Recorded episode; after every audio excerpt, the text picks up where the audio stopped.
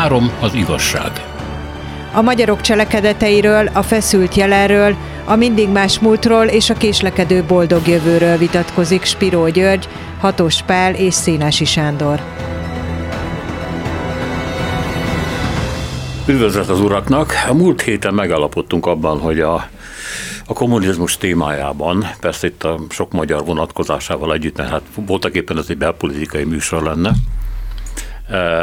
nem jutottunk el a mindenki mondani valójának a végéig, úgyhogy ebből csinálunk egy második részt, tehát ez egy, ez egy újabb felvonás lesz, amiben gondolom, hogy az első világháború a 20-as, 30-as évek után eljutunk majd a 45 utáni világba, Hát abba, amiről Hatos korábban elmondta, hogy ott már lehet vitatkozni arról, hogy tulajdonképpen a kialakuló szatellitállamok mennyire számítanak kommunistának, vagy akár szocialistának, mert erről van egy fajta e, disputa, illetve hogy a kommunizmus eszméivel mi történik majd a második világháború utáni években. Ami még az első beszélgetésből nekem kicsit kimaradt, ez a, tudom, hogy sokat beszéltünk róla, a hit kérdése a párt, mint templom, vagy mint, vagy mint oltárkép megjelenése, ami előtt letérdelni kell, ami az egyik rémületes példája számomra Kádár János, aki nem tudom, a melyik elvtársával hallgatja ki Rajkot. És azt mondja neki, hogy te Raj, te azt hiszed, hogy okosabb vagy, mint a párt. Na most ő maga volt a párt. A párt politikai, vagy nem tudom, hogy hívta, végrehajtó bizottságának egyik tagja volt, titkár volt, Rákosi bizalmasa volt, és mégis ja, akkor besz... éppen belügyminiszter. Belügy, pláne. Akkor éppen és úgy beszélt a pártról, mint ami rajta kívül, vagy Igen. fölötte álló uh, intézmény, létesítmény, vagy isteni lényeg. Uh, és ez rendkívül ijesztő, így utólag is elolvasni. Szóval erről mit gondolnak? Hát szerintem Spiro György erről többet tud, írt egy remek drámát a, a kádári személyiség korrupciójáról, de ez valóban egy nagyon, hát ha nem mondanám, hogy jó felütés, de nagyon jellemző felütés hogy Kádár azt mondja, hogy te okosabb, akkor nem tudom pontosan hogyan, okosabb akarsz lenni, mint a párt. Hát a párt ebben az esetben Rákosit jelenti. Aha a főtitkárt, vagy az első titkárt, akkor éppen főtitkár. Valahogy ez a fajta gondolkodás szintén megszemélyesítésben gondolkozik, és akit megválasztottak, ugye demokratikusan úgy szokták gondolni, főtitkárá, az maga a párt, és az ő vélekedése nem az ő személyes vélekedése, hanem az a párté. Na most ehhez a kommunisták tartották magukat. Akik igazán kommunistának gondolták magukat, azok végig abban hittek, hogy a pártnak fogadtak hűséget, és akár a saját személyükkel és az életükkel szemben is. Mindennel a pártnak tartoznak, miközben a párt egy személybe van összpontosulva. Na most ez egy nagyon érdekes fejlemény, ugyanis hát nem így indul a, a mozgalom annak idején a 19. század közepén, meg a pártok sem így szerveződnek nagyon sokáig, de mindazokat, akik demokratikusabbnak, és hogy úgy mondjam, személyi kultusztól mentesen képzelik el a pártot, hát azokat elteszik előbb-utóbb lábalól. És azok lesznek a főgonoszok. Ez a fajta mentalitás azért elsősorban a nem értelmiségi pártagokra jellemző. Mert itt van egy nemzedékváltás. Ugye Rákosi még értelmiségi ként szeretné élni az életét, és hát aztán belekerül elég fiatalon a mozgalomba, de a Kádár nem értelmiségiként kezdi meg néhány elvtársa, hanem ő borzasztóan kiszolgáltatott, tulajdonképpen árva gyerek, hát nincs is apja, az anyja is elhagyja, és rettenetes körülmények között nő föl, és noha aránylag jó szakmája lesz, mert irodagépműszerész, de egy pillanatig nem dolgozik ebben a szakmán, kifutó fiú, ezt föl is hozzák majd ellene, hogy ő nem is proletár, nem igazi proletár, hanem lumpen. Na most itt az, hogy proletár, az, hogy munkás, az olyan szentség ezeknek az embereknek a számára, Hát, mint annak idején, nem tudom, mint a, a léviták vagy a kohaniták a zsidóknál.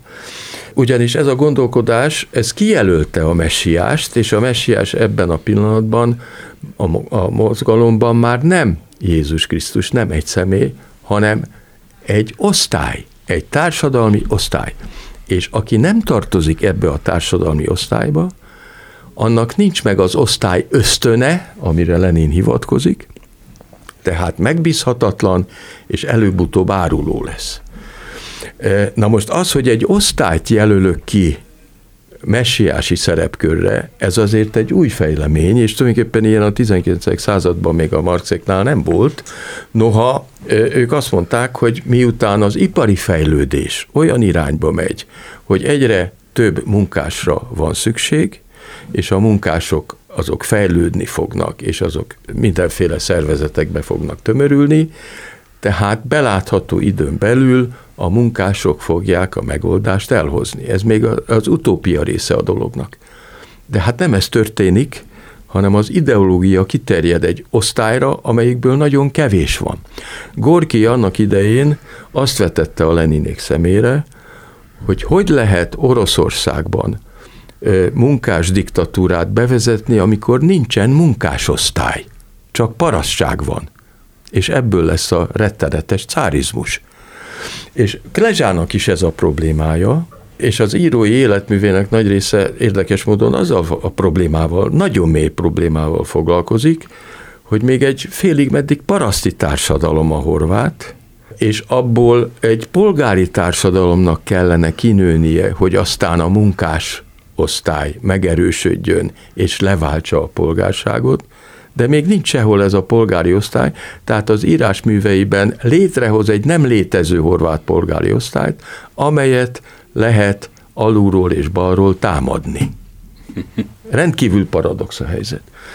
Na most a gyanakvás azáltal, hogy minden értelmiségi gyanús, mert nem munkás. Származású, ez behozza azt a fajta származási elvet a kommunizmusba, amelyik hát, hát én annak idején még iskolásként megtapasztaltattam, hogy aki nem munkás származású, csak paraszt, az már gyanúsabb, és aki értelmiségi, az az egyéb, az végképp gyanús, és hát egy ideig Magyarország nem is vették föl az egyéb származásúakat az egyetemre, mert annyira abban éltek, hogy csak a munkás.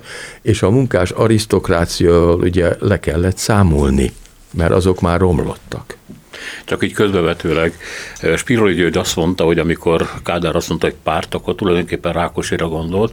De most az én apám egy évet ült a főutcán, semmiért, de hát ez akkor tízezerekkel fordult elő persze, és amikor kiszabadult, akkor anyám azt mondta neki, hogy hát valami rehabilitációért azért folyamodnod kéne a párthoz, és azt mondta, hogy nem teszi meg, mert a párt nem hibás, mert Rákosi volt a hibás. Tehát itt megfordult, a párt megint elveszíti az ő Rákosiát, és egy ilyen megfoghatatlan szubstrátum lesz belőle. Apám nem volt értelmiségi, tehát nem kreált magának ilyeneket, de mégis így fogalmazott. Igen, szerintem itt a, a, a dolgok lényegénél járunk, tehát amit Spiró György rávilágít, ugye a Kádár borzalmas és végsősorban nem is cinikus, mert valószínűleg elhitte a saját hazugságát, tehát hogy a pártnál nem lehet okosabb. Tehát ez az amnézia, ami a pártagokat, a, a híveket ugye hatalmába keríti, ez arról szól, hogy elfelejtkeznek arról, hogy ők a történelemnek cselekvői ként szerették volna magukat meghatározni. Ugye a kommunista idea, a kommunista kiáltvány a filozófusok feladatára is azt teszi, hogy most már nem értelmezzük, most már megváltoztatjuk a világot. Tehát a kommunizmusnak van egy ilyen, hogy is mondjam, tavaszi zsongázsa, hogy cselekvővé tesz téged. Téged, aki törvénytelen gyerek vagy, téged, aki lent vagy, téged, akit, aki nem, nem vehetsz részt ebbe a társadalomba, ahol grófok, hercegek, kegyelmes urak, méltóságos urak vannak. Itt most Kádára gondolok, ugye, aki 1912-ben született, és ugye hát a, a neobarok társadalomban eszmélt többszörösen hátrányos helyzetűként. A cselekvés ígérete és mi történik? Mire eljutnak valahová, lemondanak a cselekvésről, és lemondanak a látásról, lemondanak még az értelmezésről is.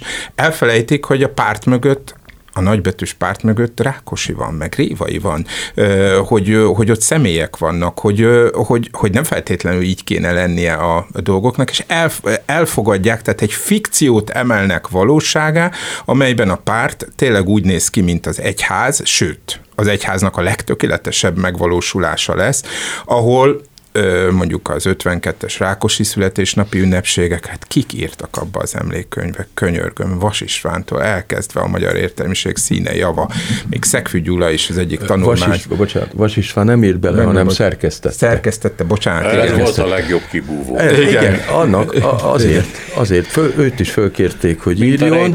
Jó, Örkény viszont írt. Egy, egy hogy lehet a névsorolvasást megúszni, úgy, hogy te olvasod a névsort. Igen, igen, bocsánat. Igen, így van, Vas István szerkesztette, de azért tehát Örkénynek az a 19-es tematikájú. A lényeg az, amire itt szeretnék végül is kiukadni, az az, hogy lemondanak az értelemről, arról az értelemről, amely végső soron az egész kommunizmus meghatározná, amely, amely, amely értelem nevében lázadtak föl a tradíciók ellen, a feudalizmus ellen, a reakció ellen, a, a vallás, mint ópium ellen, amely elhomályosítja az adat, elhomályosítja a látást, és, és vállaltak egy még sokkal nagyobb vakságot. És egy előző adásban ugye már Spiro György utalt arra, hogy ugye volt, volt, egy, volt egy 20. kongresszus, ahol kvázi egy ígéret történt ugye 56 tavaszán, Ruscsov híres beszéde, bár zárt ülésen hangzott el, de azért hamar kiszivárgott, és, és Magyarországon is megtudták a pártagok, amely igyekezett ezt az egész ellentmondást, amitől már az egész rendszer szer, szenvedett, kvázi egy személy nyakába varni egy halottnak, ugye Stalinnak, és így megmenteni a gondolatot. Visszamenőlegesen látjuk, hogy bár 56 őszén győzedelmeskedett a kommunista gondolat vagy rendszer Magyarországon a szabadságvágy és a forradalmiság, vagy a spontán forradalmiság felett. Ugyanígy Lengyelországban is ugye a, a, a leverték, a, vagy, vagy, vagy csirájában elfolytották, persze azért sortüzek dördültek, a, a munkástiltakozásokat, aztán 68-ban már a kommunista gondolat eljutott ahhoz, hogy az antiszemitizmust instrumentalizálja, és, és a zsidókat tegye felelőssé. Lengyelország Magyarországban ugye több száz embert üldöztek ki, vagy több ezeret Lengyelországból, akkor hat, és ugyanez ugye a prágai tavaszra is igaz, és akkor a szükségállapot, tehát még, még, még nagyon sok volt hatalmilag hátra a Szovjetunióból, de gondolatilag ez a kommunizmus 56 után halott volt. És ugye a magyar értelmiség lázadása, tehát említettük, hogy Örkény írt a, a Rákosi emlékkönyvbe, idézhetünk Csóri Sándortól, I. és Gyulától, sok minden mástól borzalmas idézeteket és aztán ők mind igyekeznek ö, ö, valami fajta most már a kommunizmus diktatórikus gondolatától emancipálódni, és így lesznek kvázi mondjuk a, a vezető, ha nem is ideológusai, de még, mégiscsak ilyen gondolatai zászlóvivői annak a, a dolognak, ami aztán az 56-os forradalom szellemi vonulatát jelenti. Olyannyira, olyannyira, hogy hogy ugye 56-ban, ha hallgatjuk, figyelmesen meghallgatjuk még Mincenti beszédét is, ott is azt látjuk, hogy mindenki igyekszik elhatárolni magát attól, hogy, hogy itt valami fajta hortista restauráció készül. Tehát, hogy a szocializmus ellen a szocializmus gyermekei lázadtak fel. Kik voltak részt a felvonulásokba? Azok az egyetemisták, akikről ugye egyébként Spiro György beszélt, akik ugye munkás származásúak voltak, vagy szegény paraszti származásúak voltak, akik, akik ugye a, a rendszernek úgymond dédelgetett gyerekei voltak, és fellázadtak a hazugság ellen is. Hát innentől kezdve a gondolat haz, ö, halott volt, és mégis több mint 30 évet élt. Ez, ez, ez szintén egy rejtély, hogy, hogy, hogy egy halott gondolat is működteti a rendszert, bár ahogy ugye Kern András énekli, ugye konzervigasságok ott porladnak ugye a, a polcokon, nem pontosan így, de, de megejtő a kép, hogy, hogy hát olyan lett, mint a Globus konzerv az egész ideológia, de mégis, mégis velünk maradt. És, és hagyd mondjak el egy dolgot. Én 1993-ban 20 évesen ösztöndíjas voltam, voltam Svájcban, nem is akárhol Genfben, és nem is akármilyen a Genfi Egyetemnek a protestáns teológiai karán, ahol egy ahol egy teológiai professzor felesége, maga gazdaság történész meghívott minket, diákokat, kis házába raklettezni, és elmesélte, hogy hogy gyűjtöttek annak idején az 56-os magyaroknak, stb. stb. Aztán sóhajtotta egy nagyot, és azt mondta, de én ezt az egészet nem értem. Ameddig le nem omlott a fal, addig, addig volt valami, amiben hihettünk, hogy lesz itt egy igazságosabb társadalom. Svájcban, 92-ben, 93-ban. Valaki, aki egyrészt szolidarizált kamaszkorában az 56-os magyar menekültekkel, valaki, aki protestáns teológus professzor felesége, maga gazdaságtörténész, és és egészen 90-ig hordozza magában azt a dolgot, hogy, hogy, hogy ez a Szovjetunió, ez a Varsói Szerződés, ez az egész keleti blokk valami a történelmnek, történelmnek még egy új könyvét fogja kinyitni. Hát nem tudom, lehet, hogy szegény arra gondolt, hogy azzal, hogy a Szovjetunió elmúlt, meg a Varsói Szerződés, meg minden, magunkra maradtunk a kapitalizmussal. Ez is egy félelmetes gondolat valahol. Bocsánat. Igen, igen. Ez, ez, ez nagyon fontos, ugyanis hát 56-ban, akik kimentek egyetemisták, meg a fiatal értelmiség az utcára, ő nekik azért volt tapasztalatuk a horti rendszer végéről, és hogyha ők szocialisztikus eszmékben hittek, vagy ideákban inkább azt mondanám, akkor az nem volt véletlen, mert pontosan látták, hogy hova vezet az a feudál kapitalista rendkívül igazságtalan rendszer, Hát végül is a nyirasuralomhoz. És nem azért mentek ki 56-ban az utcára, hogy jöjjenek vissza a nyilasok. Emiatt nem lehet azt mondani, mindenféle színe volt természetesen annak az 56-nak, meg polgárháborús dolgok is történtek benne.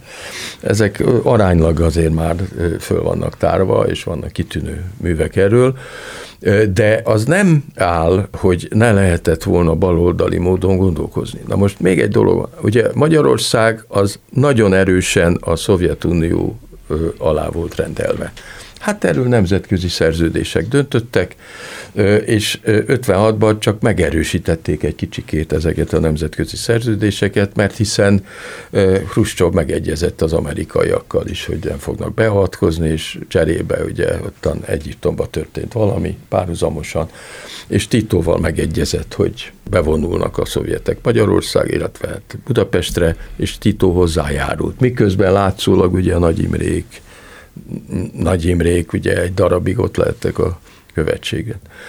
Tehát itt nemzetközileg szavatolt határok voltak, és megerősített határok voltak, de közben meg lehetett azt hinni, miután nem akartak feudális rendszert, kapitalista rendszert a magyarok többsége, akármilyen sok bajuk is volt a, a létező szocializmussal, tehát lehetett abban bízni, hogy a Szovjetunióban majd a reformok helyre teszik a dolgokat, és nagyon sok derék magyar értelmiségi boldog volt, amikor a leleplező könyvek Szolzsenyicintől kezdve egy csomó más megjelentek, és lehetett kapcsolódni jó szívvel elég sokáig szerintem a Szolzsenyi kiutasításáig lehetett kapcsolódni ezekhez a, a, a szellemi reformtörekvésekhez. Tehát nem olyan egyszerű a dolog, mint hogyha Magyarország önmagába lett volna. Nem volt önmagába, hanem nagyon erősen be volt tagozódva egy világbirodalomba. Na most az, hogy egy világbirodalom elmúlik vagy nem múlik el, nem biztos, hogy elmúlt. Hát azért folyik a harc, ugye azért folyik most a háború, mert nem vér nélkül omlott össze a Szovjetunió, és hát ezt lehetett sejteni, hogy 10-20 év ide vagy oda nem számít. A mi életünket megmentette Gorbacsov, és 30 évet, 30 boldog, békés évet hagyott nekünk, hogy dolgozhassunk de lehetett volna másképp is. Tehát világ történelmi méretekben ez a 20-30 év ez nem számít. Sikerülhetett volna. És az elvek szempontjából sem számít. Hát, hogyha több ezer éves elvek vannak, amelyekre lehetett építeni, világ megváltó újabb ideológiákat, akkor ezekre továbbiakban is lehet majd építeni, és biztos, hogy vallásosan fogják megélni ezeket az új ideológiákat is az emberek, az utódaink, a lemenőink, mert az ember, mint mondtam, volt már vallásos vadállat. Hát ez egy érdekes gondolat. Én is tartok tőle, hogy ha proféták támadnak, akkor először előbb-utóbb vér fog folyni, és nem a rossz nevében, hanem az igazság egy eljövendő jó nevében. Tehát minden ilyen utópiának, és a kommunizmus bebizonyította az elmúlt 150 évben, hogy akár mennyire is csillogó volt az ígérete, vagy akár mennyire is vonzó volt, elmondhatatlan erőszakot termelt ki magából, és elmondhatatlan szenvedést hozott. De ha visszatérünk egy kicsit arra, hogy, hogy mit is hozott mondjuk nem tudom, erről lehet-e beszélni, a létező szocializmus világa. Igen. Miért támad a Kádár rendszer iránt a rendszerváltás után nosztalgia? Aha. És ennek szerintem köze van a szocialista gondolathoz. Hatos Pál Spíró György, Magyarország és a kommunizmus.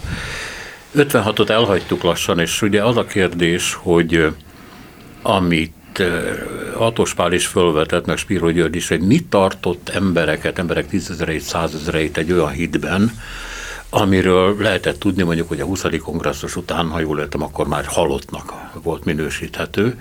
És a kérdés az, hogy abban a vitában nem ez a kérd, nem ez merül le föl, hogy tudni, mennyire volt mondjuk a Kádár rendszer szocialista vagy nem szocialista, vagy a többi kelet-európai rendszert hogyan írhatjuk le, amiben azért a nemzetek kényelmesen, vagy kényelmetlenül, általában kényelmetlenül, de valahogy el tudtak helyezkedni, ami azt jelentette, hogy nem azonos azzal a rendszerrel, amit ma az 50-es években ezek az országok megtapasztaltak, tehát volt egy viszonyítási pont, amihez képest ugye minden relatív, egy kicsit jobban vagyunk, egy picit jobban életben maradunk, kicsit több a kaja a boltokban, kicsit kevesebb embert visznek el, ez is valami. Tehát, hogy eh, az, hogy ezek a rendszerek mik voltak igazából, gondolom hozzátartoznak a mi témánkhoz. Amire én szeretnék utalni, az egy ellentmondás. Mégpedig az, hogy a kommunizmus vagy a létező szocializmus, tehát ez a rendszer az utolsó pillanatig korumpálta, megnyomorította az embereket, vagy emberek kiválasztott csoportjait. Hiába liberalizálódott, azért hát továbbra is velünk van az ügynök kérdés, emberi sorsok, hogyan Tar Sándor például, vagy Bódi Gábor, de mondhatjuk az egyházak világát is, hogyha ha az állambiztonsági iratokat nézzük, akkor látjuk azt, hogy egészen a rendszerváltozásig megfigyelések voltak, embereknek a kompromitálása, és, és, és az valami olyasmi, ami, ami ami nem felettette velük, hogy, hogy itt, itt az erőszak fog következni, hogyha ha a rendszer alapjait megkérdőjelezik. Még hogyha ez egyre csökkenő mértékben is így volt. De közben párhuzamosan kiépült ez a frigider szocializmus, vagy gulyás kommunizmusnak gúnyolt nevezett valami, és és akárhogy is nézzük, itt valami olyasmi történt, amiben a társadalom beleegyezett, de amit, amit felülről kínáltak neki.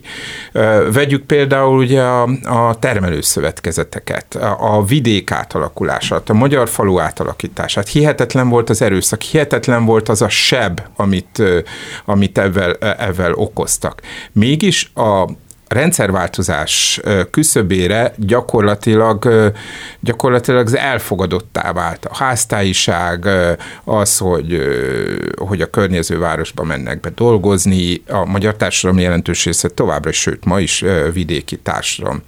Nekem például volt egy osztálytársam, a 80-as évek második feléről beszélünk a gimnáziumba, aki meglehetősen magányos volt, és aki nem találta a helyét, és aki később sem tudott beilleszkedni.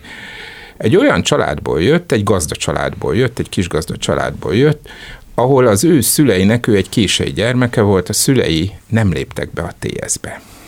Ez 1959-60-61-ben egy példaadó magatartás volt, hiszen brutalitással történt, manipulációval történt, zsarolással történt. Ugyanakkor, ha valaki végig kimaradt, és soha nem adta meg magát, és nem lett konform a falusi közösséggel, amely mondjuk a 60-as évek közepére, végére elfogadta, aki nem fogadta el, az elment a városba, akkor egyedül maradt, izolálódott. És ez számomra azt hozta, hogy végül is a magyar társadalom kivetette azokat, akik következetesen antikommunisták maradtak, tehát, hogy, hogy, hogy, hogy itt egy, egy, egy társadalmi szintű elfogadottsága is lett a dolgoknak. És, és ez mindez oda vezetett, hogy ott voltak, ugye én például Nagy Imre temetése volt mondjuk az eszmélődésem, felnőtt eszmélődésem kezdete. De legalább ugyanannyian vettek részt egyfajta búcsú köszönő aktuson, Kádár temetésén, akiről ugye beszéltünk, és akinek, akinek a hihetetlen erkölcsi korrupcióját nem lehet tagadni. És mégis a magyar társadalom úgy érzem, továbbra is Kádár preferálja, hiába van Nagy Imrének szép szobra, és hiába van Nagy Imre, mondjuk az emlékezett politikai küzdelmek között. Kádár, mint Ferenc József minden szörnyűségével együtt valami olyasmit reprezentál, amely, amely, amely végső soron pozitívat hozott. Nem mindenkinek, de hogy a többség számára ez a dolog, ez számomra tagadhatatlan. Hát ami lezajlott 56 után a Kádár rendszerben, annak a magyar történelemben van előzménye. 1849 őszétől kezdve, a Bach korszak, meg a Schmerling korszak, és az a fajta, hát árulás özön, és alkalmazkodás özön, ami elvezetett végül is 1867-ben a kiegyezéshez. És valamilyen módon a reflexekben ez megvan. Ez lappang, akkor is, hogyha nem beszélnek róla, akkor is, hogyha közben világháborúk és forradalmak következnek, ez a minta, ez a magyar minta. És amit Pali mondott itt azokról, akik nem alkalmazkodtak és kívülrekedtek a társadalmon, magán, nem csak a politikai, meg gazdasági életen, az igaz volt 1850-től kezdve 67-ig és tovább. Na most ez együtt jár egyfajta hát tűrhetetlen hazudozással és önhazugsággal amikor volt szabadságharcos századosok lesznek foglárok Budán, mint ahogy például a Táncsics Mihálynak a foglára, az annak idején szabadságharcos volt, aztán egy Vránovics nevű pasas. És aztán bezupálták persze az osztrák seregbe, ahol fölküzdötte magát őrmesterré. Na ez a tipikus magyar pálya. Utána néztem most, mert rábukkantam egy nagyon érdekes történet, hogy börtönőr lett a Ferenc József alatt, amikor Ferenc József még nem volt király. Úgyhogy e, e, ez annak idején, amikor Őrsi István kijött a börtönből, ugye, 67, akkor halálosan megsértődött a magyar társadalomra, mert azt látta, hogy mindenki áruló és ő még 56-ban élt a börtönben végig, és azt hitte, hogy a magyar társaság ugyanúgy kitart, mint ahogy ő, meg mellőle Angyal Istvánt megölték, meg egy csomó e, ember ott szenvedett a börtön. És kijött, és kiderült, hogy kiegyezett a magyar társaság, és ezt nem tudta földolgozni. Meg is értem. De akkor itt az a kérdés, bocsánat, hogy mi még mindig a kommunizmusról beszélünk, amikor mondjuk az 56 utáni kelet-európai társadalmakról beszélünk. Mert amit a kommunizmusról eddig megbeszéltünk, hát annak mondjuk a Kádár rendszer nagyon kevés dologban felel meg. Ez azt jelenti, hogy a kommunizmus valamikor itt titokban véget ért, csak úgy hívták ezeket az államokat, hogy szocialista meg kommunista, de igazából ezeknek a országoknak a jó része visszatért a maga sajátos kelet-európai szokásaihoz és életmódjához, aminek volt egy kommunista pár díszlete, de igazából egy másfajta élet folyt alatta. Ez így van? Valamit hadd vesek közben, amikor ezt a két Kádár János szereplésével foglalkozó darabomat írtam, elképesztett valami, hogy a frazeológiában szinte semmi marxista nincsen. Hm. Csak a hatalmi szavakat használják, a központi bizottságban, meg a politikai bizottságban, és nincs jelen a marxizmus, mert fölösleges. Szerintem ez nagyon fontos, amit Spiró György mondott, tehát, hogy onnantól kezdve, hogy hatalomra jut a kommunizmus, és itt 17 novemberéről beszélünk Oroszország, hogy a bolsevisták megszerzik a hatalmat, hatalmi ideológiává válik, és egyetlen célja, és nem Stalin rontotta el a tiszta leninizmus, már Lenin esetében is történik a hatalom megragadása. Hogy Lenin ezt így kijelenti cinikusan, ha itt valamikor Oroszországban termidor lesz, azt is mi csináljuk. Ugye a termidor az, ami ugye a nagy francia forradalom jakobinus radikális vonulata után egy kicsit visszacsinálta, ugye a, a normalizálta a helyzeteket. Tehát, hogy az a lényeg, hogy a hatalom a mi kezünkben maradjon, és uh, ahogy ezt uh, Spiro György korábban is mondta, egyfajta osztály alakul ki, egy hatalmi osztály, amelynek, uh, amelynek a kommunizmus, vagy a szocializmus, ugye 62-ben kijelenti Kádára, talán a hetedik kongresszusán az MSZNP-nek, hogy a szocializmus alapjait leraktuk. Tehát, hogy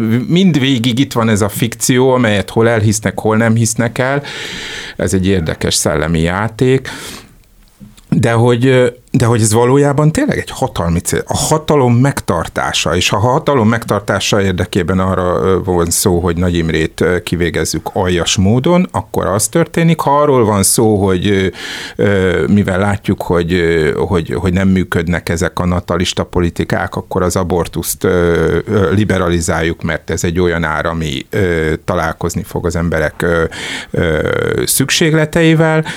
Tehát, hogy, hogy reziliensek, megengednek dolgokat, végrehajtjuk a TSS-ítést, mert nincs szükségünk kis gazdatársadalomra, a kapitalizmusnak a, a hátsó ajtón való visszajövetelére, de a háztáit azért megengedjük, hiszen, hiszen mi se vagyunk, ugye mi szívünk se vasból van. Tehát igen, ez egy nagyon fontos dolog, hogy hogy, hogyha az ember elolvassa ezeket a jegyzőkönyveket, itt, itt, itt már nem a proféták beszélnek egymással, hanem cinikus hatalmi politikusok, és talán ki is lehetne cserélni. Tehát a miniszteri jegyzőkönyveket, meg a, a PB, tehát a politikai bizottság üléseit mondjuk egyik korszakból a másikba.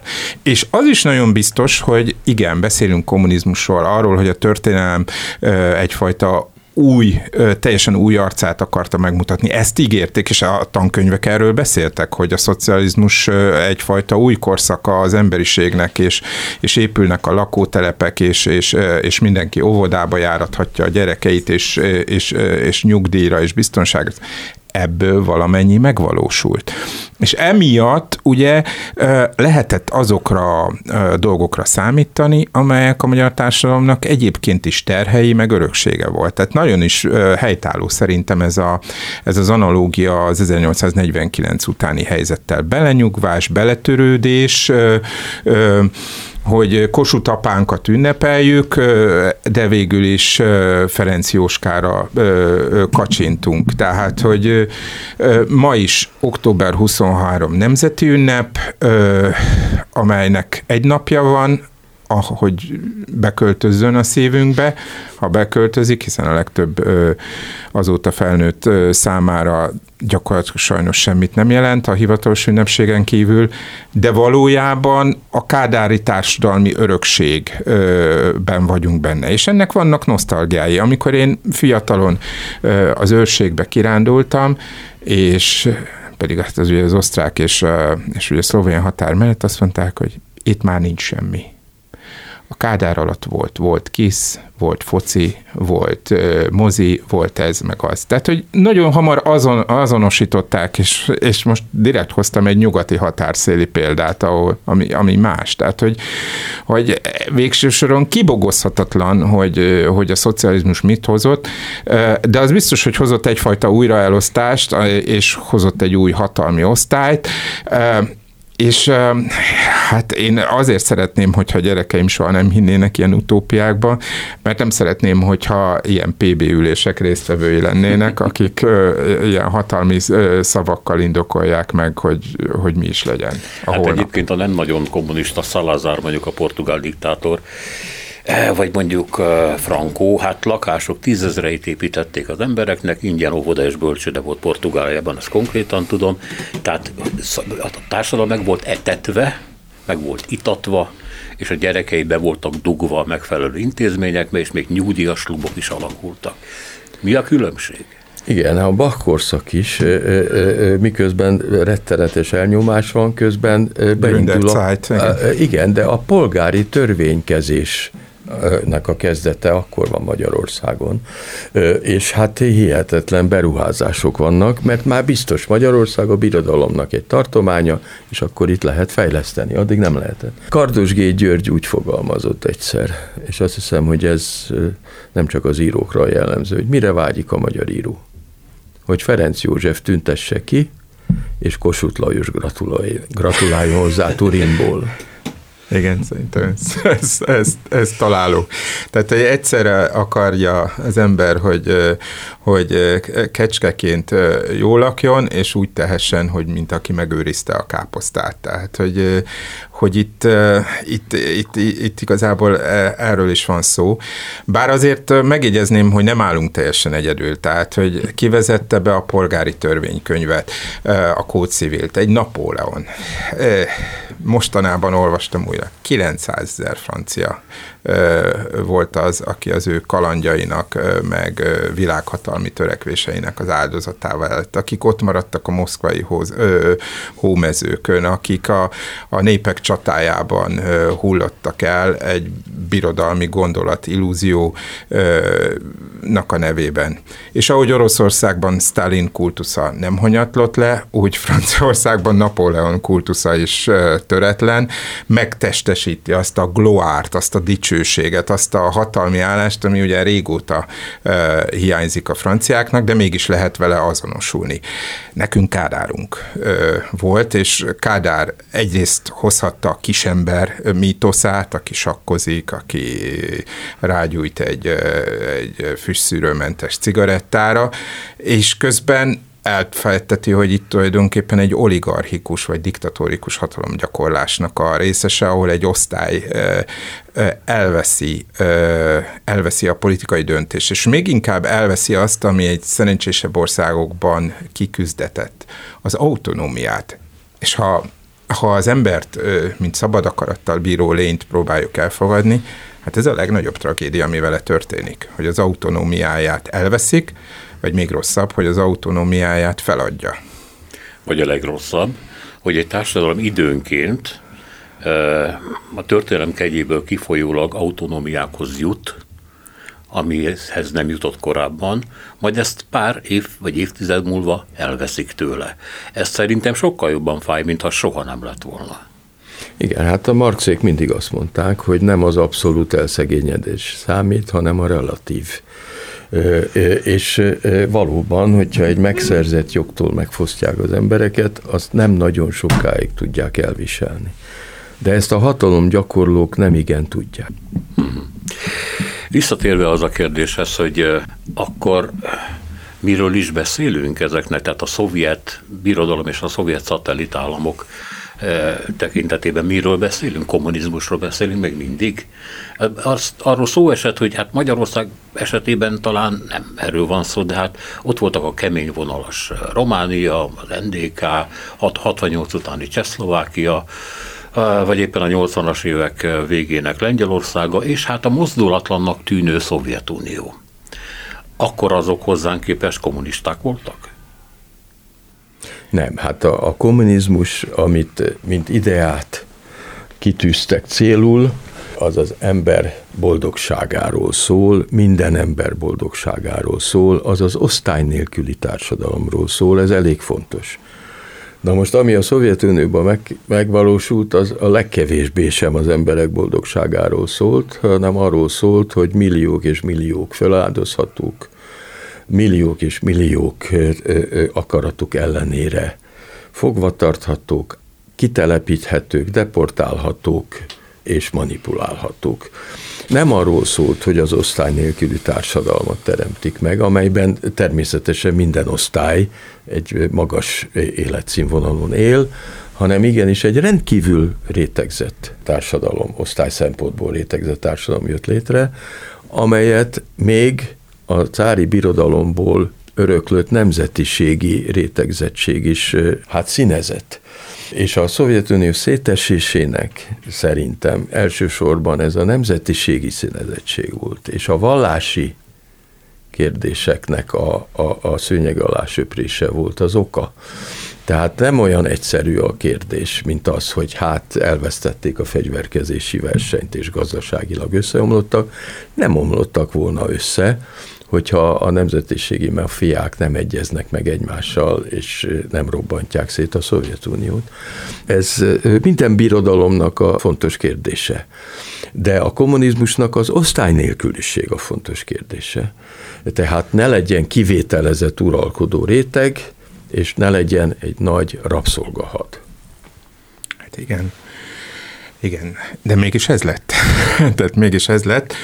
És amennyiben nem ez lett, az eltávolodást jelentett a kommunizmustól. Tehát annyiban lett elviselhetőbb a legvidámabb barak, hogy kevesebb volt esetleg az erőszak, vagy kevésbé volt nyilvánvaló az önkény. Tehát, hogy egy 80-as évekbeli Magyarország nem azért volt jobb, mert fejlettebb volt Romániánál, sőt, ugye a nyugat előtt kvázi a románoknak sokkal nagyobb volt a, a kreditja a szabad világ előtt, hiszen elutasították, hogy 68-ban részt vegyenek a csehszlovákiai intervencióban, részt vettek például ugye a 84-es Los Angeles-i olimpián, mert nem akartak részt venni a bolykotban, Európában, tehát nagyon sokáig ugye Ceausescu egyfajta ilyen harmadik utat, illúzióját ö, mutatta ö, Nyugaton, míg ugye Kádár ö, inkább megfelelt, magyar csapatokat küldött, ö, és, és, és egyebek. De mégis, ami, ami, ami jó volt, vagy jobb volt Magyarországon, egyrészt hát, hogy nem egy rendszer volt, és hogy az autók, a beszerzett Trabantok, Warburgok, esetlegesen Ladák, mindegy, hogy páros számra végződött, vagy páratlan számra végződött a, a rendszámuk tudtak közlekedni, Romániában meg az utolsó években már nem. Tehát egyrészt ugye a megélhetés viszonylagos biztonsága, tehát egyfajta szociális biztonság, biztonság, meg az, hogy az erőszakot csak akkor alkalmazták, amikor más módot nem láttak erre. Mi marad a kommunizmusból, ugye ez a kérdés még? Mi marad abból, amire ön azt mondta korábban, előző adásban, hogy hát vagyis idézte pontosabban egy svájci ismerősét, hogy a világtörténelemnek egy nagyon fontos lapja. Milyen szempontból fontos? A szovjet ember megmaradt. A szovjet, ez nagyon fontos.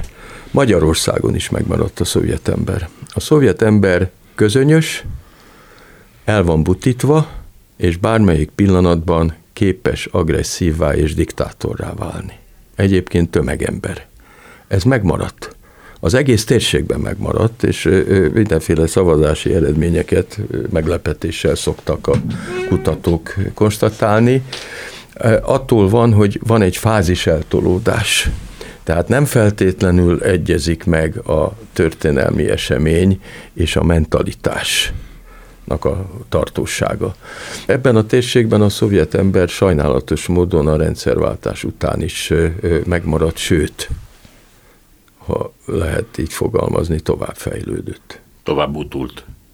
Hát, tovább terjedt Aha. a társadalom szélesebb rétegeire. Igazából szerintem nagyon tanulságos, amit most Piró György mondott a szovjet emberről. Tehát ugye háború van most Európában, Oroszország indította a háborút, és ennek az Oroszországnak a vezetője arra építette fel hatalmát, bizonyos értelemben népszerűségét és, és a kétségtelen vonzerejét Oroszország határon is túra, hogy kinyilatkoztatta, hogy a 20. század legnagyobb katasztrófája a Szovjetunió összeomlása volt. Tehát egyfajta nosztalgiát, amiről tudjuk, hogy mennyire hamis nosztalgia, tudott, és részben most is tud ö, mozgósítani. Ebben az értelemben szerintem nagyon is tanál, találó, amit ö, Spiro György mondott, hogy a kommunizmusból nem ö, a földi mennyország ö, ideája maradt meg, hanem a szovjet ember. De ha a kádárizmus más volt, mint a szovjet rendszer, akkor Magyarországon miért szovjet emberek élnek ma is? Nem csak szovjet emberek élnek. Mert az egyenlőtlen fejlődés, is, meg az eltolódás, az eltolódás miatt, mert a társadalmi viszonyok kitermelik ezt a fajta különös embertípust, amelyik közösséginek hirdeti magát, nem ismeri el más egyéneknek a szabadságjogait, de magának az égvilágon mindent vindikál. Tehát gyakorlatilag azt tekinti demokráciának, mert a demokráciát nem utasítja el, ami az ő jogait. A demokrácia nem tud, hát természetesen ez egy elvont dolog, a demokráciát nem gyakorolják Kelet-Európában. Köszönöm szépen Hatos Pálnak, Spíró Györgynek, és köszönet a hallgatóknak is. A mai műsort is Selmeci János szerkesztett, a műsorvezető Szénási Sándor volt. Találkozunk a jövő héten, hétfőn, 15 órakor. Minden jót!